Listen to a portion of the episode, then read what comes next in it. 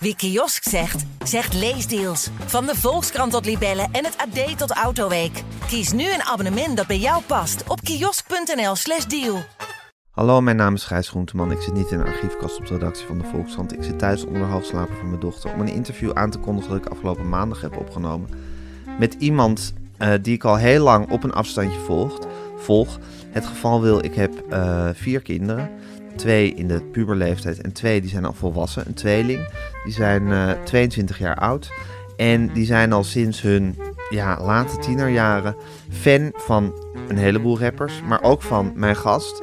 Dus ik heb eh, veel over hem gehoord, omdat ze naar concerten gingen van hem. Ik heb muziek van hem gehoord altijd, die vond ik heel erg goed.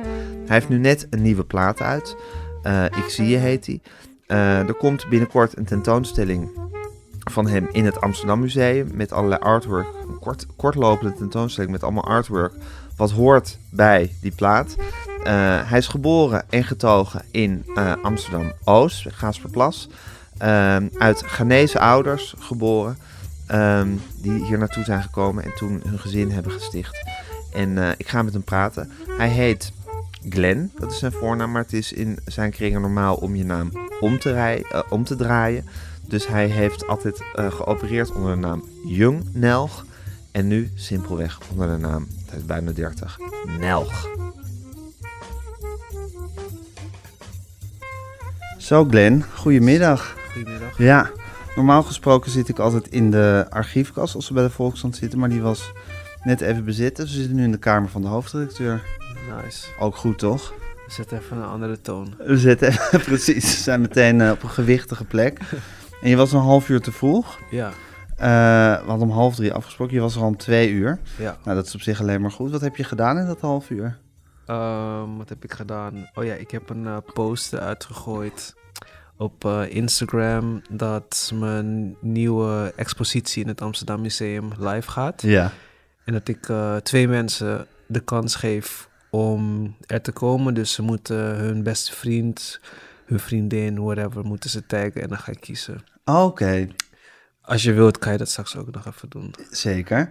dus het is een soort prijsvraag om, Prijsvraag, om ja. gewoon ook een beetje eh, lekker aandacht voor je tentoonstelling te genereren. Ja, ja, ja, zeker. Wat wordt het voor een tentoonstelling? Ehm, in de tentoonstelling ga ik het proces van mijn album Ik Zie Je Ja, ga ik ehm, laten zien.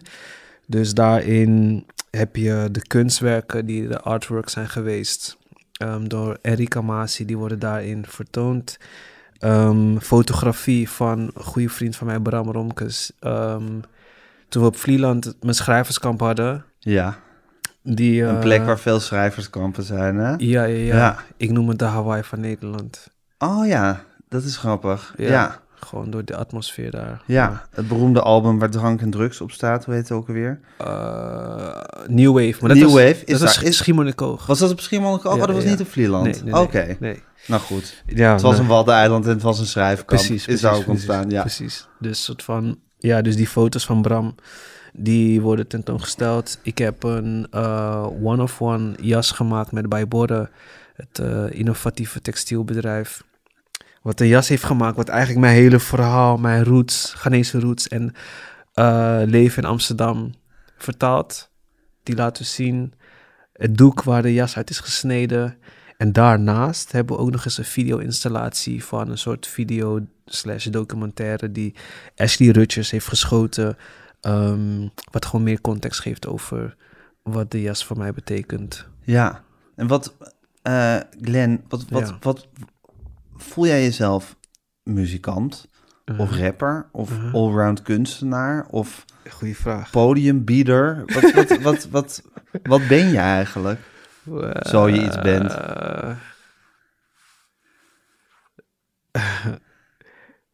Dat is een goeie. Ehm, even Ja, kijken. je hoeft ook niet te kiezen natuurlijk. Ik denk dat ik op dit moment, op dit moment, eh anno 2023, ben ik een eh, artiest die, ja, die rapt. Dus ik beweeg in het hip-hopveld.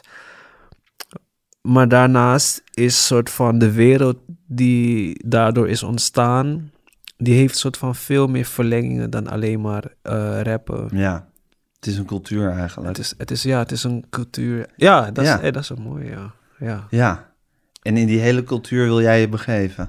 Ja, en, en, en ik, ik geloof er ook in dat als het, je, als het zo op je pad komt, dat je dat zo kan. ehm, dat, je dat aan kan, dan moet je dat gewoon zeker gewoon met twee handen aanpakken. Want het is ook niet voor iedereen weggelegd. Er zijn ook mensen die mij dan adviseren van, joh, misschien moet je dat toch niet doen.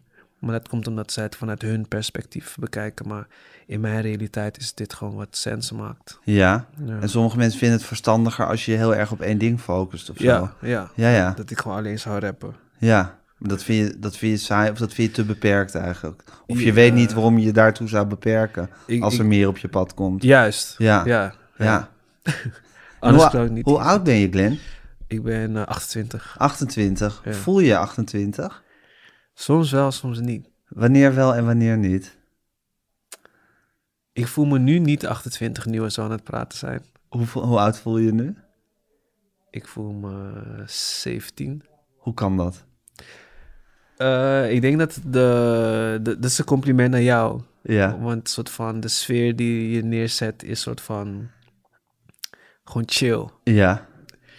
En we praten over dingen die ik heel leuk vind om te maken, dingen die, ik- die ik leuk vind om te creëren. En als ik, als ik echt in die modus ben, dan ben ik vaak gewoon die, die jongere versie van mezelf. Ja, ja.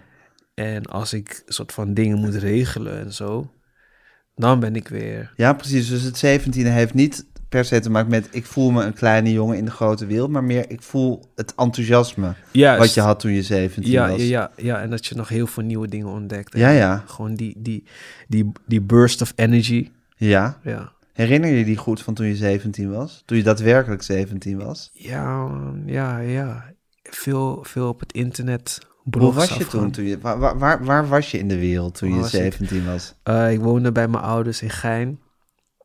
Eh, ik zat... Dat is in de Bijlmer. Ja, ja, ja. De bij Bims, mijn, ga- bij mijn, Smip. bij mijn Gasperdam, ja, whatever, hoe, hoe je dat Ja. ziet. en... ehm, Gein is toch wel de Bijlmer, officieel of niet? Of is het of- nog... Officieel is het Gasperdam, Oh, officieel is Gaasperdam, oké. Gasperdam. maar...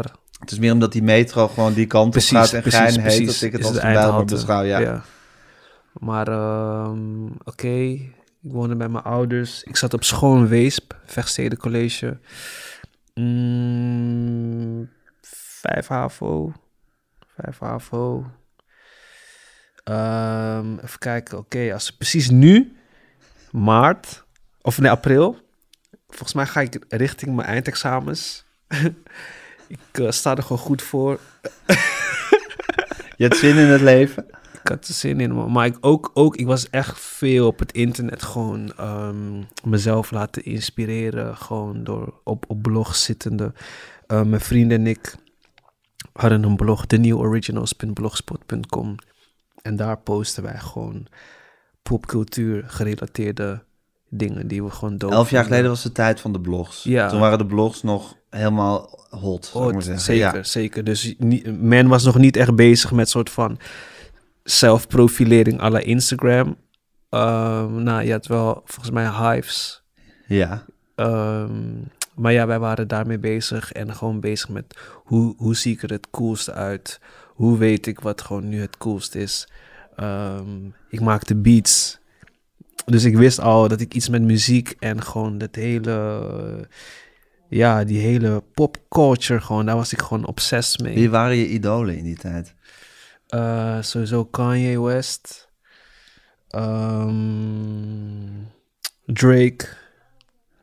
Ik keek veel naar Amerikaanse eh, hip-hop. Ehm, Lil Wayne. Hey, en als ik jou dus Ja. vraag van hoe voelde je toen je 17 was, zou ik zeggen, nu, Ja. dan zie je echt, zou ik zeggen, je ziet de maand echt nog voor je. Je hebt ook echt het gevoel van in welk deel van het jaar het is. Ja, als we, ja ik, ik probeer te refereren naar april. Snap ik, maar dat betekent dus dat jij een vrij soort nauwkeurig beeld hebt van hoe je leeft, ah, van je herinneringen, zou ik maar zeggen. Dat is niet gewoon een soort één grote brei, maar je hebt het echt vrij duidelijk in je hoofd zitten Eh, wanneer wat gebeurde. Ik heb de hoogtepunten. De hoogtepunten. En ik weet wel dat mijn zeventiende... Ja, dat, dat levensjaar was wel een hoogtepunt. Een transitie. Eh, weet je, ik ging eindexamen doen. Ehm, we waren bezig met die blog. Ehm, ik ging ook... Die leeftijd ging ik gewoon meer een soort van het stadsleven verkennen een beetje. Dus ja, dat, dat weet ik wel nog. Maar, maar bijvoorbeeld, ik weet niet wat ik eh, vier weken geleden heb gedaan op maandag. Als ik niet in mijn agenda check. Nee, precies. Nee. Nee, maar het zijn echt zo, zo zeggen, die belangrijke momenten, soort Ja. scharnierpunten in je leven, Juist. die je nog heel precies weet. En 17 Ja. voel je als een scharnierpunt in je leven. Jawel, ja. Omdat je dan het gevoel hebt van, dan is mijn schooltijd bijna klaar. Ja. En dan, moet je, dan ga je echt zo de wijde wereld in om te kijken wat daar te halen is. Yep, Wat je kan doen. yep. En hoe was, met, in, wat, in wat voor gezin ben je opgegroeid, Lin? Ehm, eh, ja, Ghanese ouders, vader, moeder. Eh, ik, heb, ik ben de oudste. Ik heb nog een eh, broertje en een zusje. Ehm, Hoeveel jonger zijn die? Mijn broertje is 23 en mijn zusje is eh 14. 2008. Nee. Ja, vij- 15, 14. Ze wordt Die moet- 15. Ze wordt 15. Ze is één dag na mij eh, geboren. Oh, dus zij wordt... Jarig. Ja, jarig. Ehm, Er zit best wel veel leeftijdsverschil tussen jullie drieën. Klopt, klopt, klopt. Dus mijn ouders hadden gewoon even tijd nodig gewoon, eh, om bij te komen per kind. maar, Het is ook eh, wel heftig, een kind ja, krijgen. Ja, toch? Ja, Dus, dus, dus in zo'n gezin en ook in een hele hechte Ghanese gemeenschap, dus in de Belmer, waardoor ik ehm, qua bloedfamilie hier in Nederland eigenlijk heel weinig heb, maar eh, extensive ja. family, extended family, wat erbij kwam kijken door dus de gemeenschap, heb ik gewoon opeens gewoon honderden tantes en ooms. nog. Ja. ja. Die je ook voelt als tantes en ooms. Zeker, Is de. Ghanese gemeenschap eh, hecht in Nederland? Ja, ja, het is heel hecht, maar het is, en het is ook heel erg, eh, ja, best wel onder de radar. Eh, maar wat je nu krijgt is dat de, de kinderen, dus de tweede, derde generaties, die hier opgroeien, ehm, gewoon toch wel die ambities hebben. Ja, Maar wat interessant is, de ambities, die zijn ook weer te refereren aan de ambities die onze ouders hadden om hierheen te komen. Want zeg maar, de stap die zij maakten van Ghana in die tijd met zo weinig resources en informatie hier Mhm. naartoe komen, ehm, is sowieso niet eens soortgelijk, maar het heeft wel dezelfde ehm, kracht. kracht Ja. als dat ik op het gegeven moment bepaal van ik, ik, ik, ik stop met school en ik ga volledig focussen op mijn creatieve uitingen zo erg mogelijk ehm, tot zijn eh, potentie laten Ja, komen. precies. Eigenlijk komt erop neer, je bent bereid om een enorm risico te nemen. Ja, En je gaat alles wat je in je hebt inzitten, inzetten om dat risico te laten, om te, om, om te slagen. Ja. Om niet te mislukken in dat wat je wil doen. klopt, En dat is de kracht die je ouders ook hebben moeten hebben om uit Ghana hierheen te komen. klopt. En gewoon een gezin te stichten, te werken, Ja, eh, in de Bijlmer of in de Gein te wortelen. ja. En eh, daar een leven op te bouwen. Ja. En hoe oud waren je ouders toen ze naar Nederland kwamen? Eh, Praat je, praat je daarover eigenlijk met hun? Ja, dat is een goede vraag. Zeg maar, als ik het niet vraag, dan wordt er niet echt over gesproken. Nee, precies. Maar ik heb het wel, wel, wel eens gevraagd. ehm, Wanneer heb je dat gevraagd? Dat wil ik net zeggen. Oh, is sorry, eigenlijk wel een sorry. tijdje, wel een beetje, ja, wel een tijdje terug eigenlijk. Ehm, waardoor ik het nu niet zo goed zou weten. Ik denk eind voor mijn moeder eind 20, eind 20, begin 30, want ze was eerst in België. Zoiets, ja. Dus, dus een soort van mijn leeftijd nu eigenlijk. Ja. En eh, weet je nog waarom je dat op dat moment vroeg? Was het gelegenheid daarnaar? Of, eh, Ehm, ja, ja, ik denk een soort nieuwsgierigheid gewoon die ik had. Ja, ik heb mijn vader wel, ik denk drie jaar geleden had ik hem geïnterviewd, heel random. Ik voelde gewoon van, ik weet gewoon weinig man, over je leven. Wat er voor mij speelde. Dus had ik gewoon mijn telefoon en had ik hem gewoon, gewoon net als wat we nu doen eigenlijk Ja. geïnterviewd. En eh, ik heb alleen niet, ik ga het wel weer oppakken. Ik heb geen specifieke, ehm, dus, dus, dus data of, of hoe Nee. oud was je toen, dit en dat. en waarom voelde je dat toen? Dat je, dat, in- dat, je, dat je dacht, ik ga dat gewoon eens even vragen. Ehm, omdat een eh, goede vriendin van mij, die vertelde, die, die had haar vader verloren. En die vertelde dat ze, ehm, dat is ook een, eh, die komt ook uit Afrika. En die vertelde dat ze heel erg had dat er nog gewoon best wel wat, wat, wat dingen open stonden eigenlijk. En ehm, dit zijn zeg maar vaak topics die wij heel erg for granted nemen. Van oh ja, dat is gewoon voor, voor hun om, ja, om daarmee te dealen. En wij leven gewoon hier. Maar eigenlijk voegt het nog heel veel toe aan je bewustzijn. Als je ook weet wat de drijfveer van je vader of moeder was in zo'n stap zetten. Of wat deden ze überhaupt vroeger in hun tienerjaren? Hoe, hoe was school voor hun? Ik weet niet of je er heel concreet wat aan hebt gewoon. Maar het doet sowieso wel wat met je. Ik heb zelf, mijn vader is dood en ik heb hem Uh-huh. pas leren kennen toen ik 21 was. Mhm. En daarna heb ik hem wel goed leren kennen, maar ik heb heel veel spijt dat ik hem niet geïnterviewd heb. Oké, Ja, het is toch fantastisch om gewoon een opname te hebben ja. van je, van, van je ouders, Mhm. waarin ze gewoon ja, vertellen over hoe hun leven is geweest. Ja. Ja. Ehm, heb je een vraag die je aan die een vraag die ik aan mijn vader zou kunnen stellen? Ehm, Dan zeg ik namens het, de podcast waar ik was, heb ik deze vraag eigenlijk. Ehm,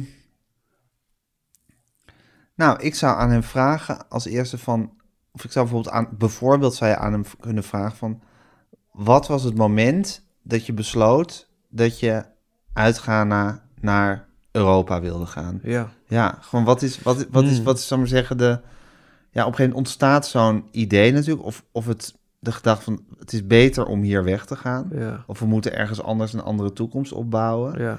En dat lijkt me best wel een heel heftige beslissing om te nemen. Dus Ja. dat is vast niet van het ene moment op het andere Nee, true. dat, je dat, dat je dat bedenkt. Dus er moet een soort proces zijn dat je een soort eerste zaadje van dat idee hebt. Ja, ja, En dat je uiteindelijk tot het moment komt dat je denkt van... oké, ik ga echt alles wat ik hier heb...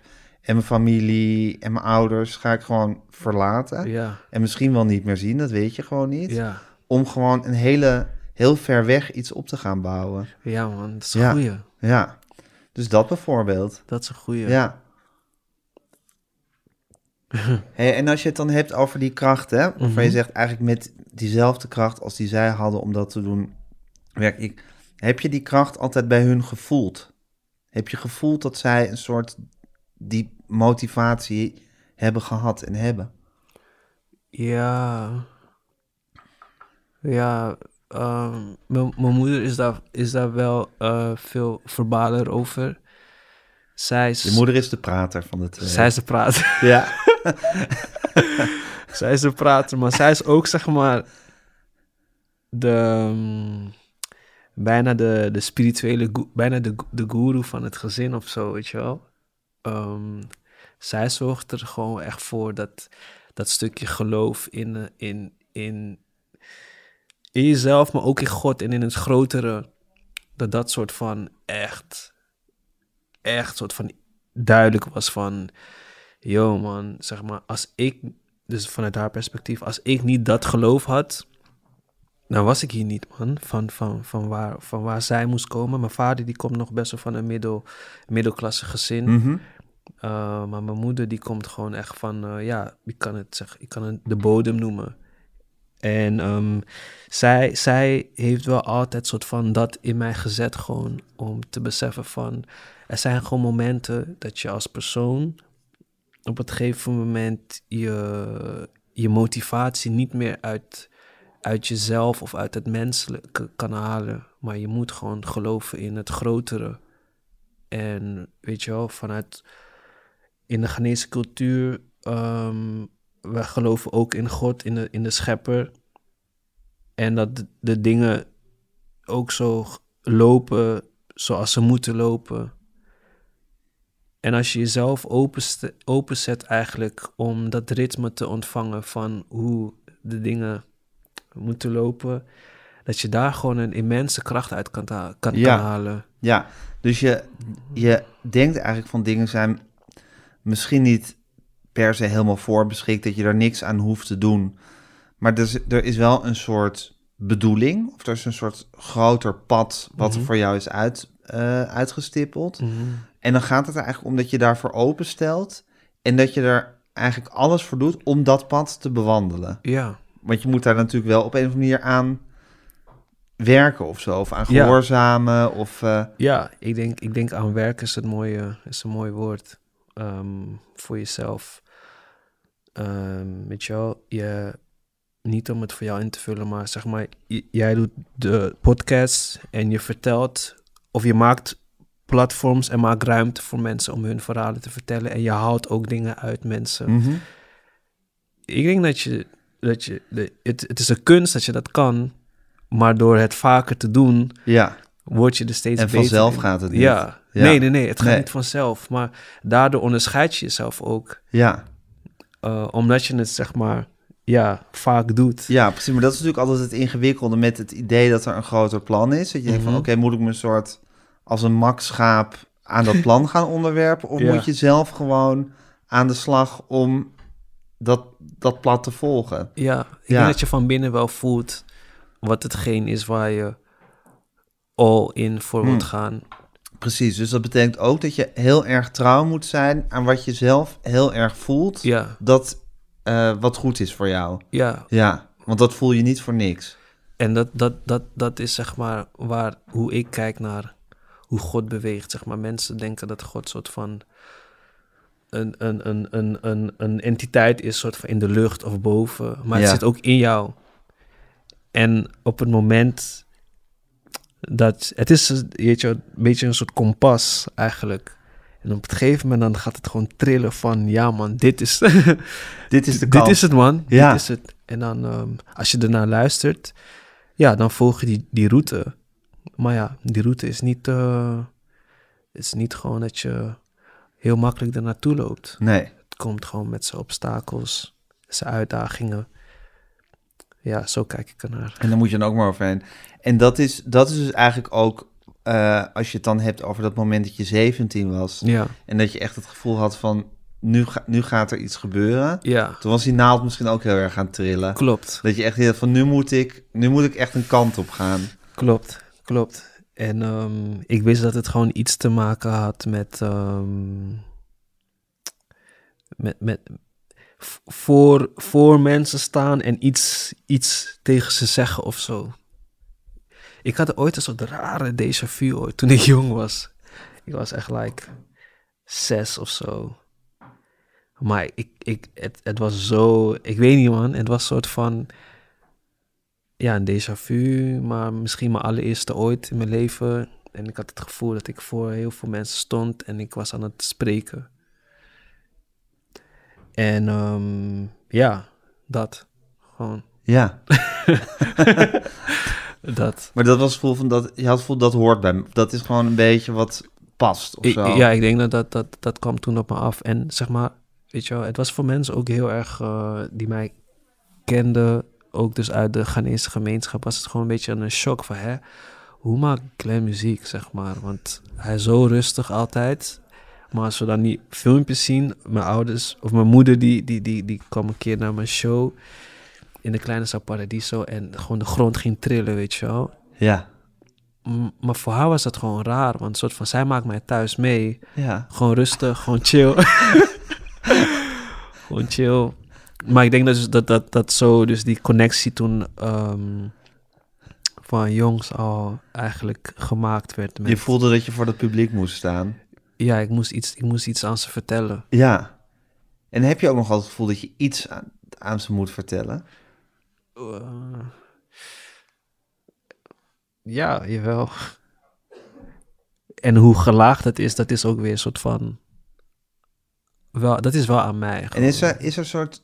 Heb je het gevoel dat er een soort, soort, soort hele basisboodschap is die je aan mensen moet vertellen? Ja, vanuit mijzelf wel. En wat is die boodschap? Dat is gewoon van, joh man, ga het gewoon pakken man. ga het pakken. En met, met het pakken bedoel ik gewoon die droom die je hebt. eh, ga er gewoon voor man. Zeg maar, mijn ding is gewoon, gewoon motiv- motiveren. Motiveren. Volledige potentie in mensen naar boven halen. En ik probeer het niet op een soort van eh, belerende manier te doen. Maar gewoon van, ja maar ik zie je gewoon man. Go for it. Ja, want jouw tagline of jouw boodschap is ook een beetje... Mhm. In iedereen zit een koning. Eh, eh, ja, maar Toch? dat, die, die tagline is... Nee, eigenlijk, Dus dat is niet jouw tagline. dat is niet mijn tagline. Dat is hoe, hoe mensen het hebben Oké. geïnterpreteerd. Mijn Hoe, de- hoe de tagline- marketingafdeling het geïnterpreteerd heeft. Shout-out naar de marketingafdeling ja. maar als ik het nu zeg maar zelf, zelf eh, zou moeten uitleggen, Ja. is mijn tagline is, ik zie altijd de volledige potentie van een situatie waarin we minimale middelen hebben. Ja, precies. Dus hoe, hoe simpel het ook is, Ja. hoe, hoe kansloos het lijkt. Ja, En dat doe ik niet als kansloos, er zijn geen kansen, maar meer van... Je zit in een klein zaaltje en er zijn vier mensen. ja, En de geluidsinstallatie is kut. ik ga het je toch geven, man. En je ziet toch de potentie van de situatie. Ja. Dat je met z'n vijven ook een hele goede avond kan hebben. Juist, juist, Ja, dat de grond ook kan trillen. juist. Ja, Ehm, en, en het is een, het is een formule, een IX, I is AX plus B, waarin de X is gewoon steeds iets anders. Dus de X is, oh, ik heb geen geld nu. Of de X is, ja, we zitten in een zaal met vier mensen. Ja. Maar de X kan ook zijn, oh, mijn fiets, mijn fiets doet het niet. Oké, cool. Dan ga ik wel twee kilometer lopen. Maar daar kom ik ook weer tot inzicht. Weet je wel? Dus het is een soort van... ja. Glas de glas, het glas is half vol. ja. Maar dan ben jij gewoon een intrinsiek heel positief iemand. Ja. Ja, Ben je dat of moet je, dat, moet, je da, moet je daar ook voor werken om dat te zijn? ik moet er ook voor werken. Ik zeg je eerlijk. En daarbij heb ik gewoon bepaalde tools. Sporten. Soms mentaal ook fake it till you make it. Ja, precies. En dus dat faken is ook... Sport is ook belangrijk. Ja, sport is voor mij echt belangrijk. Wat doe je voor sporten? Eh, ik, ik, eh, ik box. Ik doe ook gewoon krachttraining. Ik heb de laatste wedstrijd gevochten. Echt waar? Ja, Een bokswedstrijd. ja, ja. Was dat je eerste keer dat je echt ging vechten? Ja, Echt met pijn en alles? ja, ja. Ik, ik heb dan, daarvoor nog nooit gevochten, überhaupt in live. En hoe was dat? Oh, bijzonder. Zo bijzonder. Zes maanden getraind. Mm, en toen eh, ja, was het zover. En ik had gewoon echt geloof in mezelf. Ik wist gewoon van... Ik, ik ga gewoon voor de winst. Ik wist het gewoon. En? Ik heb Gewonnen? gewonnen, ja. En heb je pijn gehad? Volgende dag had ik al pijn, ja. Had je, had je wel zo'n soort, zo'n soort masker Zo'n op je gezicht? ja, Ja, ja, ja, zo'n ja, helm op je gezicht. En een tok. Ja. En, en een beetje. En Is kickboksen? Nee, gewoon... of eh, gewoon boksen, alleen met... eh, ja. Ik vind dat toch iets chiquer of zo. ja, het is ook... Ik vind het ook esthetischer. Juist, juist. Boksen. Schaken. Ja. Was eigenlijk schaken. Ja, precies. En ik, ik had ook echt een goede tegenstander. Shout-out naar Hayato. Hij was echt dope. En we gingen... het- ja, ik heb die beelden gewoon teruggezien. En het was... Het ging zo snel. Zeg maar, we zijn ook... eh, ja, ik, eh, ik ging voor 71 kilo. En in mijn realiteit, als ik, als ik aan het boksen ben vanuit mezelf, dan is het gewoon... Ik heb wel het gevoel dat het snel is, maar als ik die beelden terugkijk, is het gewoon van wow. Het gaat zo snel, maar we waren gewoon beide in het ritme, Ja, waardoor het gewoon een dans werd. ja. Dus het was tegen elkaar, maar het was ook met elkaar. Ja, ja, ja. M- maar in een, in een dans heb je ook iemand die de dans leidt, toch? Ja, en dat was jij. Ik... Ja, en was je bang van tevoren? Ik was wel, ja, ik had wel, ja, ik had wel angst. Ik had wel angst. Zeg maar, als ik geen angst zou hebben, dan, dan zou het ook niet goed gaan, denk ik. Nee, nee, dat heb je ook nodig om gewoon scherp te zijn. Ja. Dat heb je als je moet optreden ook altijd een beetje angst van tevoren. De laatste 20 seconden zo, 30 Ja. seconden. Voordat het begint. Ja, dan word ik echt zenuwachtig. En dan zet ik een stap zo en dan is het... Dan ben je gewoon erin. Ja, Het is bijna alsof je een soort van... Je bent gewoon een, eh, een rocket ship. Gewoon een ruimteschip en je... Voor take-off, toch? Is er heel veel turbulentie en alles, alle rook en zo. En dan ga je op een gegeven moment gewoon... ja, precies. En vlak daarvoor voel je alleen maar die turbulentie. Ja, En dat schudden. paniek. En dan sta je eenmaal en dan is het, dan is Ja. het take-off. Ja. Ja. En zo was het met het boksen ook. Bang van tevoren en daarna ja. gewoon lekker de dans leiden. Ja, precies. En winnen en de dag daarna pijn hebben. de dag erna pijn. Ja. Ehm, ja. En, dit, en dat sporten is belangrijk. Nou, dat Mhm. hoor ik van meer mensen. Mhm. Ik heb zelf, nou, ik heb zelf een beetje moeite met sporten. Oké. Maar goed, nou, niet, dat ik er moeite mee heb als ik het stom vind. Maar, of tenminste, ik vind het wel stom. Maar ik, vind, ik heb moeite om de discipline te hebben om het te doen. Ja. Maar dat is ook gewoon goed om je geest eh, tot rust eh, te Ja, brengen. Ja, ja. Ja. Je wordt er gewoon vrolijker van. Ik word er chiller van, vrolijker. Ehm, ik kan ook bepaalde frustraties kan ik daarin kwijt. Eh, dus soms, soms zet, zet ik een probleem op het gewicht wat ik ga pushen. Of op de bokzak. Of een, ja, gewoon een Oh, dat situatie. visualiseer je daar echt, ja, ja, ja, ja, ja, ja, waar ik tegenaan loop. Ja, En dan is het gewoon van, oké, cool man. Ja, maar vandaag ga je het krijgen. ja. maar soms, soms lukt het ook niet. Dan ga je het probleem vernietigen. en wat, is het, wat, wat voor een probleem is het dan bijvoorbeeld? Ehm, eh, ja, het zijn vaak gewoon situaties die gewoon niet chill zijn. Bijvoorbeeld soms moet ik een... ehm, weet, oké, bijvoorbeeld ik, ik, was, ik was bezig met mijn album afmaken ook in die hele boxperiode. En dan is een situatie bijvoorbeeld... ehm, ik heb een gastartiest op de plaat en we komen niet uit over de percentages. We komen er niet uit omdat managers met elkaar praten. Maar op het moment dat de artiesten met elkaar gaan praten, komen we er wel uit. Maar ehm, om eerlijk te zijn, ik vind confrontaties aangaan vind ik soms gewoon wel moeilijk. En ehm, dit box-traject heeft me ook heel goed geleerd om dat juist wel aan te gaan. En soort van, dat daar gewoon altijd, als je met de juiste intentie erin gaat, ook de juiste eh, resultaten eruit komen. Dus dat was echt een, ehm, een, een situatie waarbij ik gewoon merkte van ik moet het zelf gewoon fixen. Ja, En toen had ik hem gewoon opgebeld, de gastartiest waar het om ging. En gewoon context gegeven van, yo man, dit is, dit is waarom het helaas niet hetgeen is wat jij zou willen. zou willen. Ja, Maar vertrouw me AUB en er gaan mooie dingen komen. En ehm, toen hij me een soort van dat, dat, dat, dat, die goedkeuring gaf, was het soort van zo'n release, gewoon een, ja, gewoon een geruststellend gevoel. Ehm, en zijn er ook hele mooie dingen ontstaan. Eh, vooral met dat nummer ook. Ehm, ik heb het op tv mogen optreden, bagage. Eh, en, Bagage is een fantastisch nummer. dankjewel. Ja, dat is meesterlijk. gaan we aan het eind van de aflevering gaan we bagage Oké, draaien. ja, zeker. Ja, En ehm, hij, eh, hij belde mij daarna ehm, om me te feliciteren gewoon. Maar ook dat het soort van hem dus had, had doen beseffen van wow, er gebeuren nu veel meer dingen die ik niet had verwacht door dit nummer. Voor zijn eigen carrière, maar ook voor het nummer.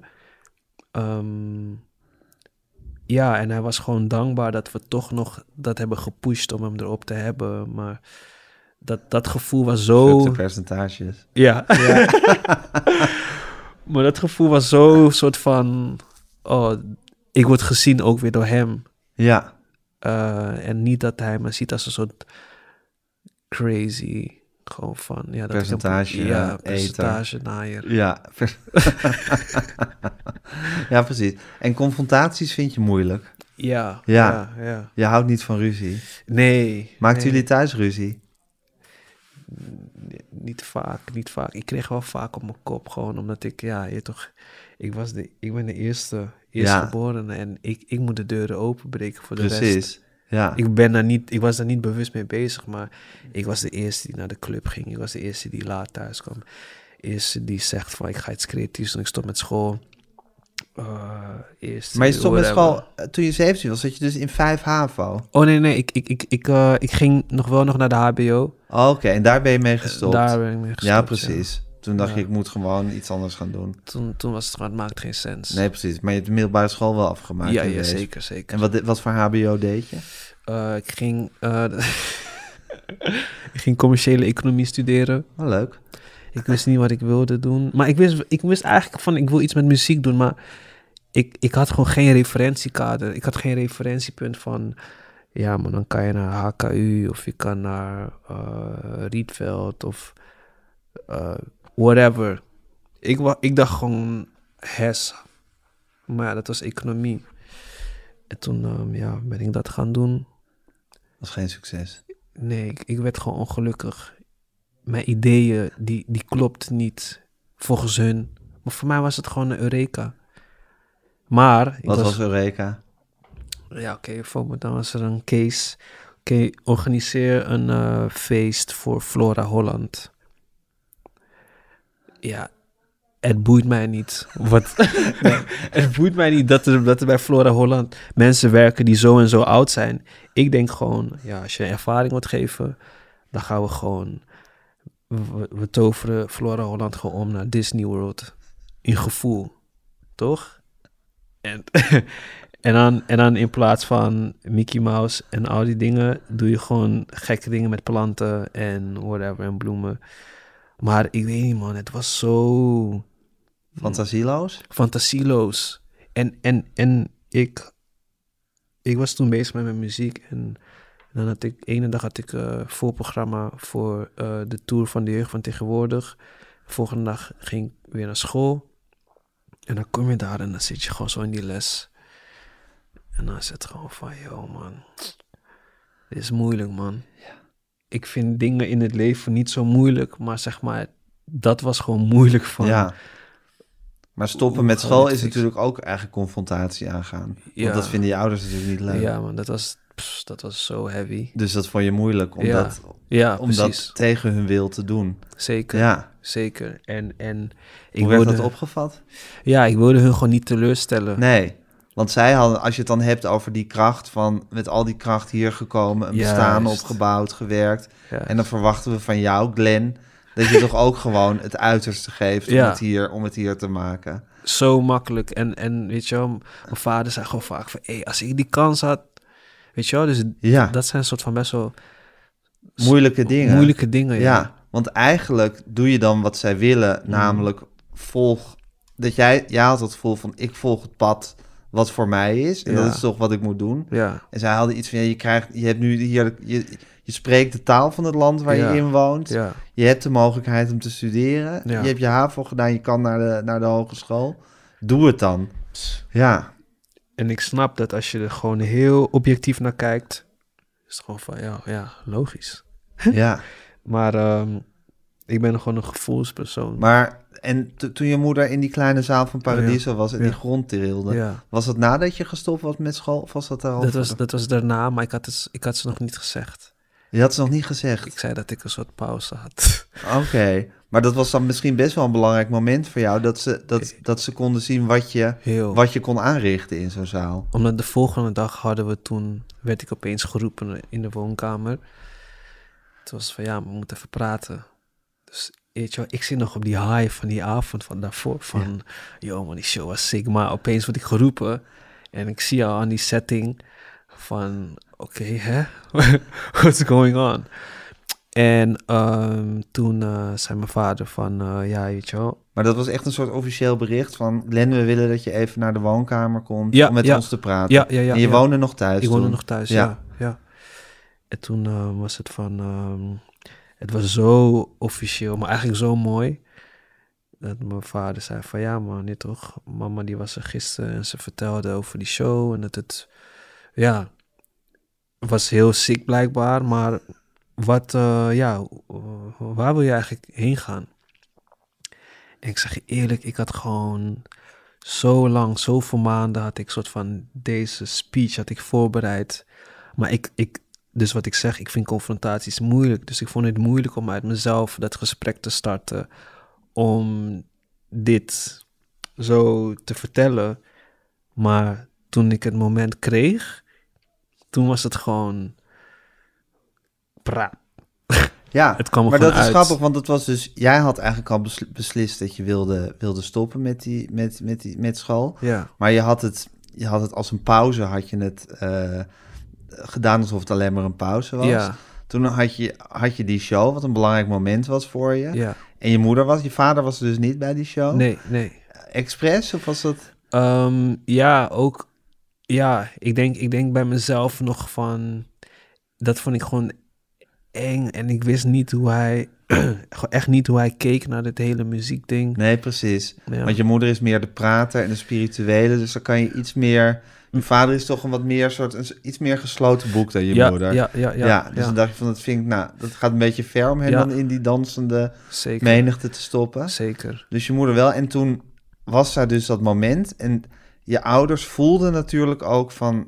Shit, dit is echt serieus. Ja. Dit is niet een soort ge- geinige hobby daarbij. Nee. Dit is eigenlijk dus zo van... Ja, Glenn, hoe zit het? Wat Ja. gaan we doen? En dat was het moment dat je echt gewoon de speech... Juist. En die kwam eruit. Ja, gewoon een soort van. Wat voor taal, welke taal praat je met je Eh, we ouders? spreken dus Chi, dat is dus eh, het meest gesproken Ghanese dialect. En ik kon me daar ook in één keer soort van zo duidelijk in verwoorden. Echt?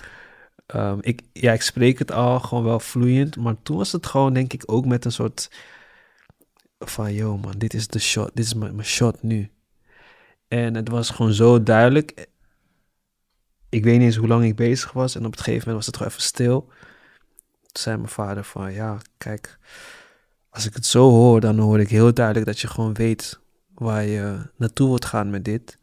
Dus dan is het enige wat we kunnen doen, is gewoon jou supporten, jou steunen. En toen was het gewoon, ging gewoon een soort gewicht soort van van mijn schouders af Ja? van, wauw, oké, nu is het, nu ben ik echt. Los. ja. En toen ging het ook echt los, 2017 was dat. Toen was het ook dat jaar, was het gewoon, heb ik twee projecten ook in een jaar uitgebracht. Ehm, ja, getoerd. ja, precies. Want je houdt niet van confrontaties. Dus dat Ja. wil zeggen dat je, niet, dat je het moeilijk vindt om zo'n gesprek te voeren. ja. Eh, maar tegelijkertijd is het, je, je zou ook niet echt vrij of met dezelfde kracht aan je carrière hebben kunnen werken als rapper en als, nou, eh, wat je nu bent. ja, Als je ouders daar niet achter hadden gestaan, klopt. dan had je dat, had je dat echt moeilijker gevonden. Ja, ja, Ja. voor mij, het, het, je toch, ik ben nog steeds kind van mijn ouders, dus ik wil nog steeds dat ze gewoon trots op me zijn en, en ook mij zien in de dingen die ik, die ik doe. Ja. Dus, ehm, En was je moeder er ook bij, bij dat gesprek in de woonkamer? ja, ja, zij was Ja. er ook bij, maar zij, zij was toen gewoon stil van, ja, gewoon stil. Ja. Dan voert je vader dat gesprek. Ja, Ja. omdat waarschijnlijk voelt zij ook al van binnen van, ja, joh, dit, ja, Hier is toch niks meer aan te doen. nee. Nee. Precies. ja.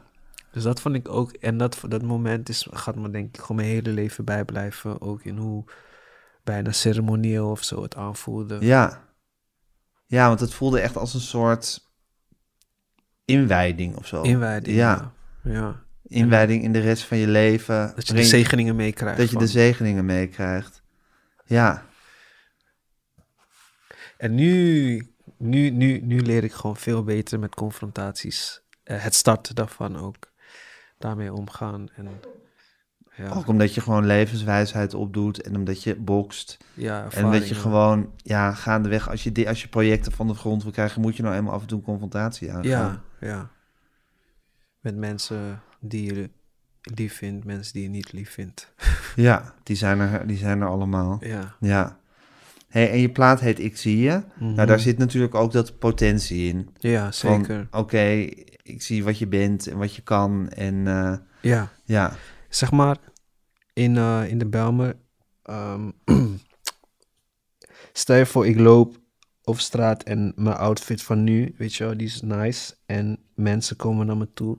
Of die willen een compliment geven. Soms zegt iemand van, ja, maar I see you shining. Gewoon van, ik, ik zie je van, ja. En hij hoeft niet, of zij hoeft niet te zeggen van, wow, ja man, die broek van je, die is echt nice. Maar gewoon, ik zie je, ja, ja. je bent er. Aha. En dat, dat, dat, dat gevoel is altijd, eh, dat is gewoon, ik weet niet man, dat is zo dope als ik dat voel. En ik had gewoon het gevoel dat, dat, dat meer mensen dat eh, verdienen.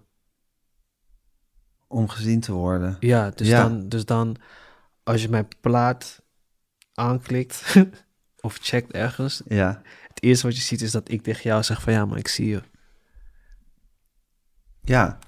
Eh, Moet je er zelf ook iets voor doen om gezien te worden? Oh, dat is een goede vraag.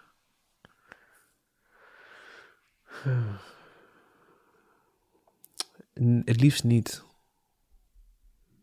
Het liefst, het liefst word je gezien door, door de mensen die jou opvoeden. Het liefst word je, als eerst door hun gezien. En omdat je gezien wordt in de basisbehoeftes eigenlijk die je hebt als mens, durf je en wil je jezelf daarna ontplooien om een soort van nieuwe skills te ontwikkelen. Dus waardoor je wel dus iets doet Ja. Om weer door een groep buiten jouw vaste groep te worden gezien. Ja. Maar jij lijkt me, jij bent ook wel een, een open, communicatief iemand, heb ik het idee.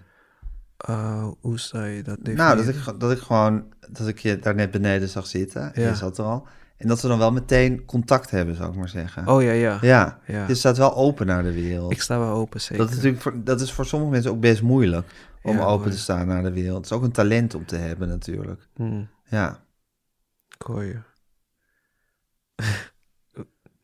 hoe sta jij in de wereld? Ehm, nou, open is natuurlijk heel goed, maar dat is ook best wel moeilijk om dat altijd, eh, om dat altijd te zijn. Ja, Ja, het verschilt hoor. Zeg maar, het is ook als ik er zin in heb. ja precies. Ja, en het lastige is dat onzekerheid vaak natuurlijk voor arrogantie wordt gezien. Mhm. Dus dat als je, als je onzeker bent, dat je een soort toon kan krijgen die arrogant overkomt. Mhm. Dus dat is natuurlijk, dat is natuurlijk altijd lastig met eh, gezien worden en Ja. hoe, je, hoe, je met elkaar, eh, hoe je met elkaar communiceert. Ik neem nog een bekertje water, ja. Vind je het niet erg? Nee, nee, Je bent nee. aan het vasten, hè? Yup, Maar ben je islamitisch of niet? Nee. Maar je vast mee met de ramadan. Ja, ja. Uit solidariteit met mijn broeders en zusters. Met je islamitische broeders en zusters. Ja, ja, ja. En valt het je zwaar of niet? Nee, nee. Uh, het, Vind je het fijn om te doen? Ja, Ja? die clans. En je voelt je gewoon lichter. En doordat ik me lichter voel, kan ik me ook beter focussen. Omdat het soort van, ja, dat, dat, dat gedeelte van honger is gewoon... Ik heb dat al geaccepteerd vanaf dag één. Dat je honger gaat hebben. Ja, Ja. dus het is gewoon, oké, what, what's next? Ja. En wat next is, is gewoon, ja, nu hier zijn, in Ja. het moment zijn. En als de zon dan onder is straks, Ja. ga je dan helemaal vol zitten? Wat, wat doe je dan? Ehm, wat ik meestal doe is, ik doe eerst even een, een gebedje gewoon om, om, om God te bedanken. En ehm, dan eet ik meestal een dadel en drink ik wat sojamelk of amandelmelk. En nu, nu, nu heb ik het wel wat beter in controle, zeg maar. Het moment dat ik mag eten, dat ik niet te crazy ga. Ja. Omdat ik voorheen... Je moet jezelf natuurlijk niet meteen gaan volproppen. Wow. Die, die dip die je dan hebt, is Ja. gewoon... Dan kon je net zo goed... Dat is een lijpe dip. dan kon je net zo goed niet vasten. Dus, eh, ik, ja, dus dat. maar ik ga vanavond uit eten. Oh ja? Ja. Met wie? Met de eh, vriend van me, Jamal.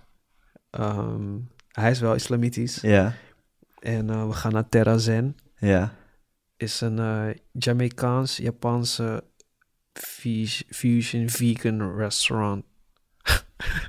Ben je vegetariër of niet? Ik ben pescatariër, maar ik Oké, eet... je eet vis. Ja, maar, Ja. maar Je niet eet geen vlees. Nee, niet meer. Maar laatst, laatste tijd was ik wel eventjes, gewoon eventjes toch wel een, eh, Klein terugvalletje. een lam, klein lammetje hier. Lekker hè, lammetje? Zeker. Ja. Maar was, was, heel, was zo spontaan. album was net uit en ik was met eh Garincha Producer, waar ik veel mee werk. We gingen random, eigenlijk gingen we gewoon even wat drinken. En toen we ook eten bestellen. En toen bestelde hij een gerecht. Kregen we het keer twee, omdat het eh, over was.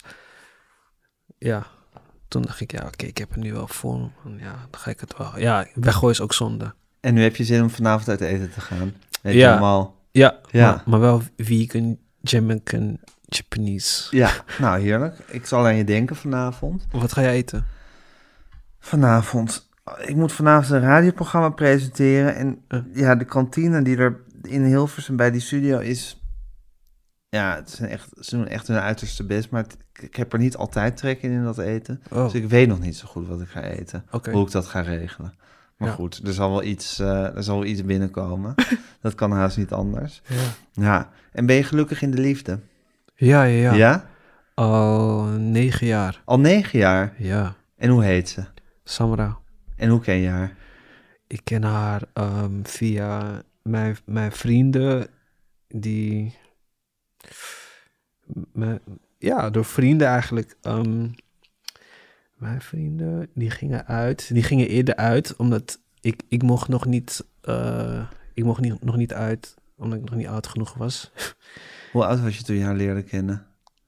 18. 18. 18 Dus je mocht, ja. was nog net... was nog net, man. Maar was Ja. echt, ik praat nu echt over een paar maandjes of zo. Ja, En toen, maar dan was je eh, misschien nog net 17. Ja, Of- dus, dus, dus, dus mijn, mijn vrienden die leerden haar al kennen voor ik haar kende. Ja, En toen op het gegeven moment, toen, toen werden mijn ouders wat flexibeler. ja, Of ik had gewoon meer scheid. ja. En toen eh, ging ik dus ook mee naar die feestjes en whatever. En toen leerde ik haar kennen op een feest. Ja, op een, op een, op een feestje van een vriendin van haar leerde ik haar kennen. En gewoon, weet toch, eh, ik, ik voelde gewoon instant van, pss, ja, Ja? ja, ik, dit, dit is, dit, dit is Ook weer dat kompas. Ja, ja, ja. Ja. En toen eh, had ik de volgende. En er waren foto's gemaakt. Toen had ik. eh, er was nog Facebook-tijden. En toen zag ik van dat zij getagd was op die foto. Dus, dus oké, ze zo heet ze. Vriendverzoek gedaan. Je had nog niet met haar gepraat toen? Volgens mij wel. Volgens mij hadden we wel Ja, ja. gesproken. En, en, en er, er gingen gewoon geruchten in die. Dus mijn vrienden en haar vrienden van. Ja, we missen nog één iemand. En dat, dat was ik, zeg maar. Ja, maar hij, hij- hij is ook wel dope. en eh, toen was ik er. Dus toen spraken we. En het was eerst nog gewoon heel vriendschappelijk. Maar je toch van binnen voelde ik al. Ja, dat kompas zei gewoon van ja. Dit is er. Dit is gewoon mijn. Dit is gewoon mijn. eh, ja, ja. Mijn vrouw. En toen ehm, ging ik gewoon hele, hele knullige dingen doen om met haar te praten. Spotify was net een beetje populair aan het worden in Nederland. En toen vroeg ik haar een keer gewoon op, op Facebook Messenger van ja, hoe werkt dat eigenlijk? en Je ging aan haar vragen hoe Spotify werkt. Ja man, maar Wist je wel, toch? ja, sowieso. Ja. Maar eh, ja, zo contact blijven houden. En we gingen gewoon met z'n allen vaak uit. En ehm gaven feesten. Zij kwam, haar vriendinnen ook. En ehm, op een punt had ik er gewoon een keer meegevraagd naar de bioscoop. Gingen we naar G.I. Joe. Eh, was niet zo'n goede film. Maar het moment was wel leuk of zo met elkaar. En eh, ja, toen, toen gingen we gewoon, we gingen gewoon vaker praten. Maar heel, heel gewoon, weet toch, het was gewoon service level. En ehm, Service level? oppervlakkig. Oppervlakkig, oké, Ja. ja. En op het gegeven moment... Oh, service level zijn, hello, how are you? Lalalala. Ja. Alsof- je gewoon een soort, zoals we in een winkel een soort gesprek Juist, met elkaar ja. Maar gewoon ook een beetje als kids van 18. Gewoon over ja, het nieuwe album van Kendrick Lamar en whatever. Maar ik, ik kreeg gewoon steeds door van ja man, oké, we checken dezelfde dingen. Ja man, steeds, steeds dieper, steeds dieper belandde ik soort van in het gevoel van wow, ja man, zij is het gewoon man. En toen eh, ja, was er een punt dat ik gewoon dacht van oké, ja, we, we spreken elkaar en zien elkaar nu zo vaak. Ja, dit. Ik. ik eh, oh nee, wat er gebeurde. Ik ging naar Berlijn. Moest draaien daar. En ik had daar toen gewoon eh, in die nacht met vrienden van me en iets te veel Genever. opeens gewoon gezegd wat ik voor haar voelde via tekst. Vond je dat moeilijk? Nee, Nee, je had in ieder geval nee. wel je neven van Ja, ja, nodig. ja, ja, precies. Dus dat was niet moeilijk. Toen. Maar toen Nee. de volgende ochtend dacht ik gewoon van wat. Maar je had er een appje gestuurd, Ja, of een, ja, een Facebook een app- bericht. een app, Een eh. app. En ze begreep het niet, want het ging natuurlijk alle kanten op. Wat had je geschreven, weet je het nog? Uh, gewoon van, ja, ik zeg je eerlijk, man, ik voel dit en dit en dit voor je. En wat het, het, om, om een beeld te geven van hoe close ik met sommige vrienden van me ben, is dat mijn beste vriend Eben, we waren gewoon best wel wild. En hij had op het gegeven moment mijn telefoon genomen en had ook gewoon berichten bijgestuurd van ja, maar ik denk dat dit wel goed is om er nog bij te zeggen. over, over, weet ik veel, van... eh, ik- het was zo vaag. Iets met, ja, maar ch- chocoladesnoepjes en... eh, ik weet niet, man. Maar ik, ik denk, Chocoladesnoepjes? het was zeg maar... Hij, hij was, Hij was, hij was gewoon hij ook ver. helemaal los op hij jouw ging gewoon telefoon. los, maar vaag. En Dat waardoor... waren berichten die hij van jouw telefoon namens jou... Dus hij dacht dat jij dat allemaal Juist, stuurde. juist. Dus, dus de, Allemaal de, dingen over chocoladesnoepjes. zo is dus die liefdesverklaring... Die Ja. werd in één keer soort van Raar. raar. Ja. En eh, ja, man. Ik, ik denk dat hij gewoon een soort dope pick-up line in zijn hoofd had. Die er niet helemaal goed Die er uitkwam. niet goed uitkwam. Maar in ieder geval, toen zijn we daarna, toen, ehm, ja, toen was het voor haar dus heel vaag. Maar waarschijnlijk Maar ze heeft toch toegehapt. toegehapt, man. Toegehapt. En we, we zijn gewoon eh, Negen jaar negen jaar verder. nu. verder. Ja. Ja. En hoe ben jij om als, als, eh, als man te hebben? Eh, volgens mij ben ik wel grappig. Ben je lief? Ja, ik ben wel echt lief. Ja? Ik ben wel echt lief. Ik denk, ik denk heel veel. Ik, ik ben heel veel stappen voor voordat zij doorheeft dat het al gefixt is. Dus bijvoorbeeld. eh, gewoon heel simpel, man. Dan, dan is, ze, is ze koffie aan het zetten of zo. Op het, eh, hoe noem je die elektrische plaat? ook? Inductie. inductieplaat, juist. maar dan zie ik van, oké, het moet gewoon harder, want dit, dit, dit duurt te lang. En dan zet ik het harder. En dan komt ze, oh, ja, ik wilde het net harder zetten, maar je hebt het al gedaan. Dus zulke dingetjes, maar gewoon om het soort van makkelijker te maken voor haar. Dat is, mijn liefdes, eh, mijn love language is ook meer eh, in actie Doen. doen, Dingen doen. dingen doen. Voor haar. Ja. Ja.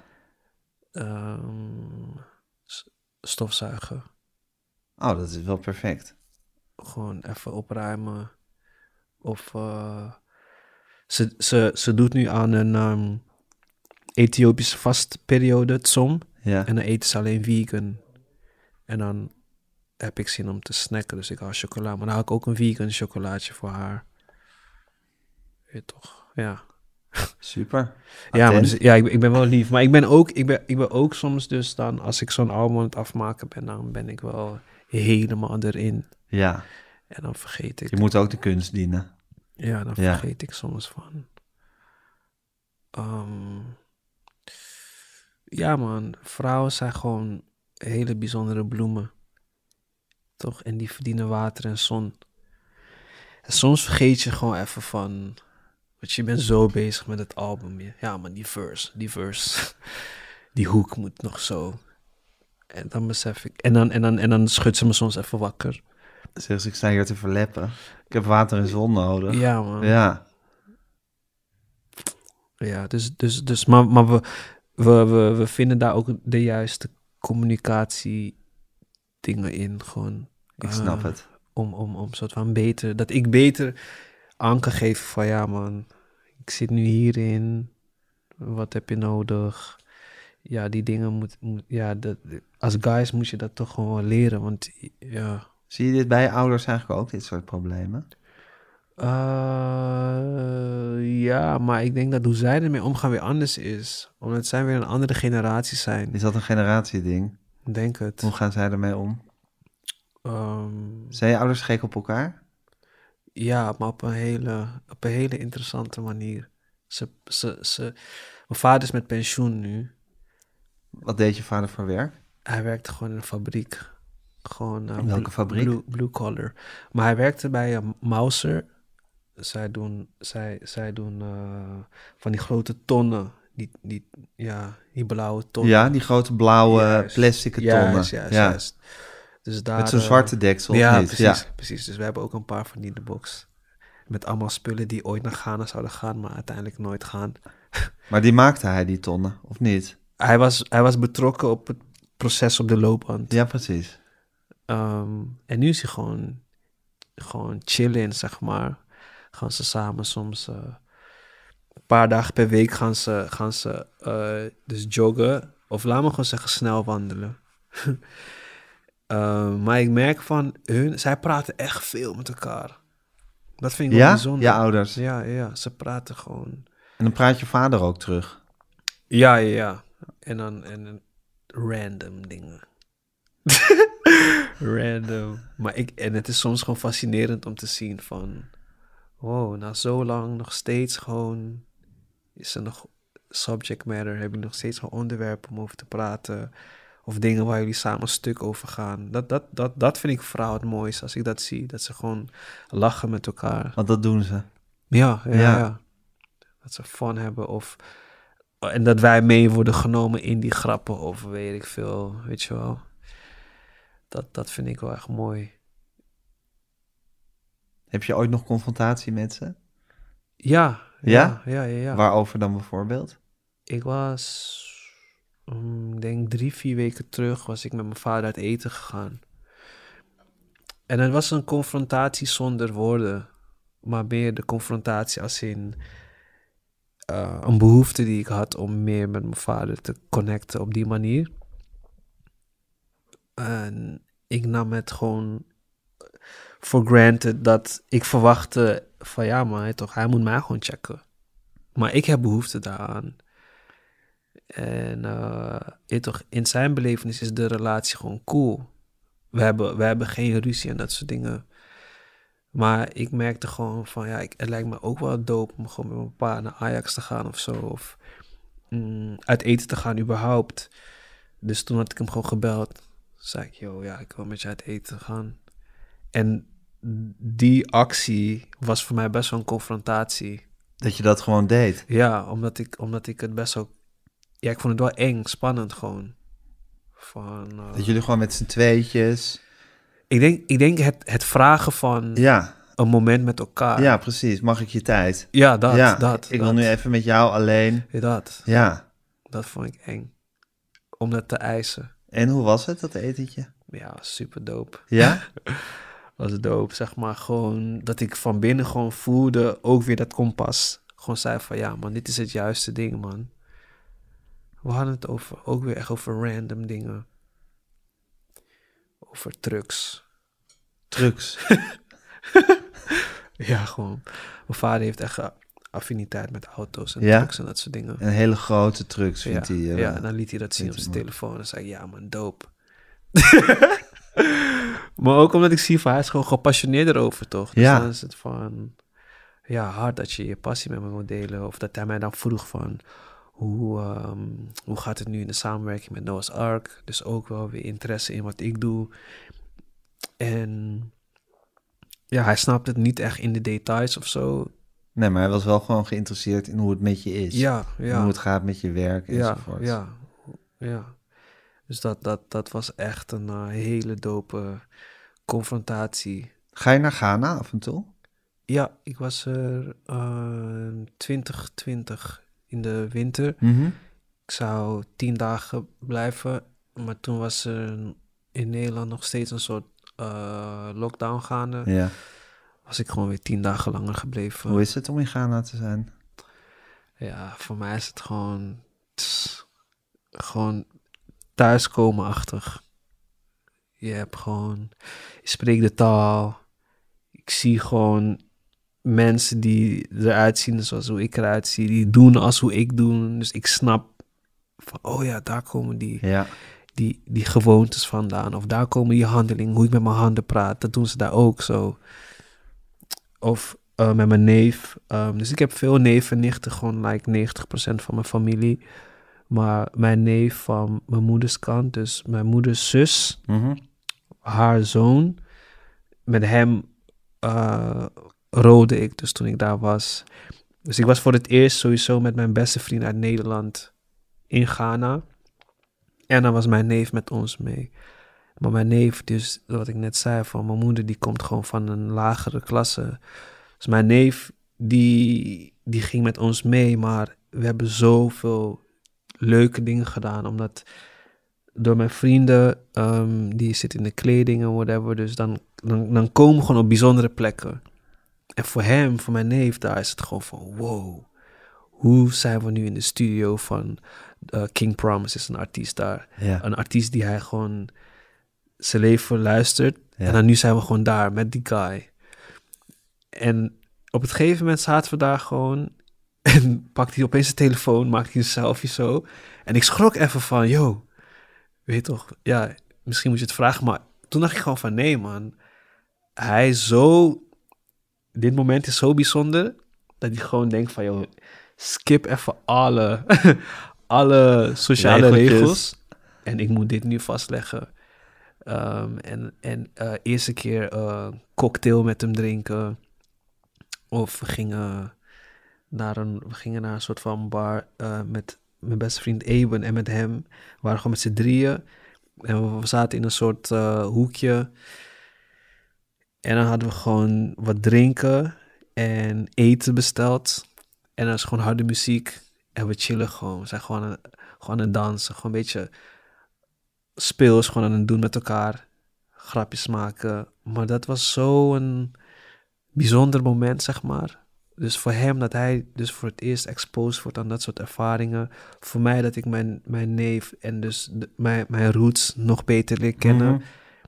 En dat we dat moment ook met mijn beste vrienden uit Nederland kunnen Mhm. delen, zeg maar. Dat was eh, heel speciaal. Maar ik ging als kind ook altijd heel vaak naar Ghana. Mm. Ja, Met je ouders. met mijn ouders. ja, Ja, ja. familiebezoeken. Ja, ja, ja, Ja. precies. Het leven is best wel een intens ding voor jou, hè? Ja, man. Je bent wel een soort heftig voelend iemand. Ja, Ja, ja.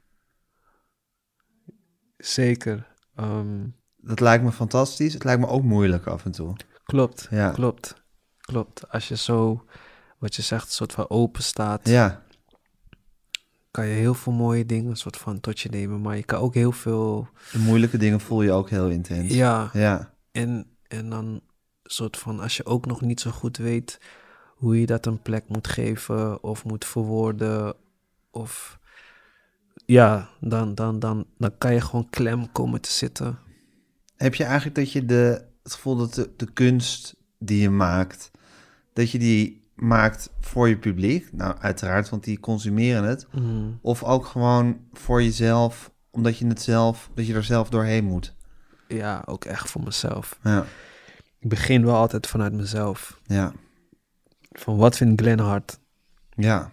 Wat vind ik hard? En wat moet je kwijt blijkbaar? Ja, Ja, en dat wat moet ik kwijt, dat is soort van een skill eigenlijk die wel pas met dit album echt eh, betere vorm heeft Ja. gekregen. dus eigenlijk heel persoonlijk is dit album. Ja, en omdat het zo persoonlijk is, op een rare manier dus ook toegankelijker voor meer mensen. Ja. Omdat zij zich ook kunnen vinden in die topics. Mhm. En dat had ik niet verwacht. Ik vond het eerst echt eng. om bepaalde dingen te zeggen in nummers. Wat vond je eng bijvoorbeeld? Mm, een nummer Close to Me gaat over, ja, dus mijn verstandshouding met mijn vader. En dus wat ik, wat ik zou willen, uit wat ik zou willen van hem, vanuit die relatie. En eh, ja, ik, ik vond het gewoon Was dat wel etentje ook na dat nummer? Ja, ja, ja. Toen je dat ja, nummer ja. had gemaakt? Ja, ja, ja, zeker. Ja. Zeker. En ik heb het niet eens met hem over het nummer gehad of Nee, zo. maar na dat nummer voelde je van... Ik moet er wel echt iets aan doen ja, aan die man. relatie. Ja, man. Van ja, ik kan het wel. Want ja, dan zou het een beetje wack zijn dat ik het uitbreng, maar gewoon uiteindelijk Niks doen. niks doe. Ja, Want dat is ook eigenlijk de kern van het nummer is van... Oké, ik voel dit erover, maar ik ga wel deze acties zetten. ja.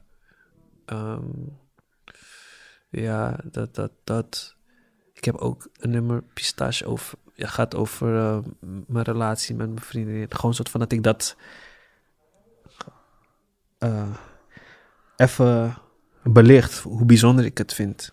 Pistache heet het. Dat was ook wel spannend of zo. Terwijl het eigenlijk een heel positief nummer is, maar het is gewoon kwetsbaar. ja. Ja, Zo hoort het ook, hè? ja. Ja, je moet jezelf toch een beetje Kwetsbaar maken. Doe jij dat? Nee, ik niet. Maar jij bent Ik- kunstenaar van ons twee. Ja. Ja. Ik zei net, we gaan bagage dragen, maar het ma- draaien, bagage dragen, bagage dragen. Ja. We gaan bagage draaien, vind ik een fantastisch nummer, maar we mogen ook met een ander nummer eindigen. Jij mag kiezen. Eh, nee, ja, als je, je, je voert de bagage, Ik vind bagage gewoon zo'n lekker nummer ook. dan doen we dat. Ja, oké, dan eindigen we met bagage. En ik dank je heel erg hartelijk. Ja, maar was heel leuk om je te leren man. kennen. Ja, same. Dankjewel. Yes, sir. En succes met, eh, eh, met de tentoonstelling in het Ja. Amsterdam Museum. Dank je.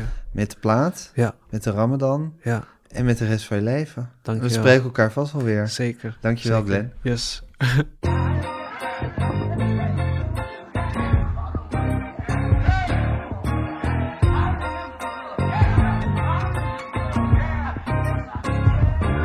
Sinds kleins ben je beschadigd, niemand erkende je waarde. Je voelde je vaak verlaten, was vaker op de straten. God gaf je een stem, maar als men niet luistert, stop je met praten. Grootste uitdagingen, die zijn voor de grootste soldaten. Niemand vertelde je dat je het verder dan de buurt kon schoppen. Je dacht, dit zijn de kaarten die me gedeeld zijn, dus it. En wil je het verder kicken, moest er door schoenen met noppen. Maar ik ben er om te zeggen, hé, je bent niet te stoppen.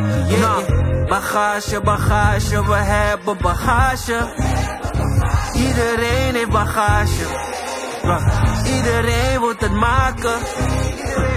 Ja, yeah, yeah. Bagage, bagage. Ik drop mijn bagage. Ik ren zonder bagage. Iedereen gaat het maken. Ik draag de koffer voor mijn moms, de koffer voor mijn taak, de koffer voor mijn homies en een koffer voor de plak. En geen koffer met de raaks, maar koffers met verstand. Want Kado one en only geeft me koffers vol met taal. Niemand kijkt je broeder, sta eens in mijn leven hier. Ik ben een young kiddo, niet hetzelfde als 17. Ik laat mijn oude koffer achter en verbeter die Stappen over stappen. En ik wil dat ze mijn leven Maak kennis met mijn bagage. Gevuld met 40 regels van de straten. En mijn paap heeft ons verlaten. Dus ik doe beter dan mijn vader. Yeah, yeah, yeah. Bagage, bagage, we hebben bagage Iedereen heeft bagage Iedereen moet het maken Yeah, yeah. Bagage, bagage, ik drop mijn bagage. Ik ren zonder bagage. Iedereen gaat het maken. Yeah, een kijkje in mijn leven, zit nog steeds met honderd vragen. Stel mezelf nauwelijks open, dus ik kan me nauwelijks plaatsen. Ik kan nauwelijks met je binden, ik heb veel te veel bagage. Mama zei me doe je best, er is geen ruimte om te falen. What a life, dat terzijde, ik heb blokken liggen voor de juiste prijs. Ben geen DJ als ik dat zou buiten laten op de mic. Contrast tussen mij en Ellig is niet zo groot als het lijkt. Niet geboren om te falen, hoe dan ook worden we rijk Ondanks al die tegenslagen zijn we rijk in onze gedachtes, rijk in onze ziel, rijk in onze hart. Niet alleen nog rijk in het geld. Amen. Bagage, bagage, we hebben bagage. Iedereen heeft bagage. Iedereen moet het maken. Yeah, yeah. Bagage, bagage, ik drop mijn bagage. Ik ren zonder bagage. Iedereen gaat het maken. Bagage, bagage, we hebben bagage. Iedereen heeft bagage. Iedereen moet het maken. Yeah, yeah. Bagage, bagage. Ik drop mijn bagage. Ik ren zonder bagage. Iedereen gaat het maken. Dit was eh, Met Groenteman in de Kast, met Nelg. Mijn naam is Gijs Groenteman. Ik maakte deze podcast met Fanny van der Rijt en Tamar Bot.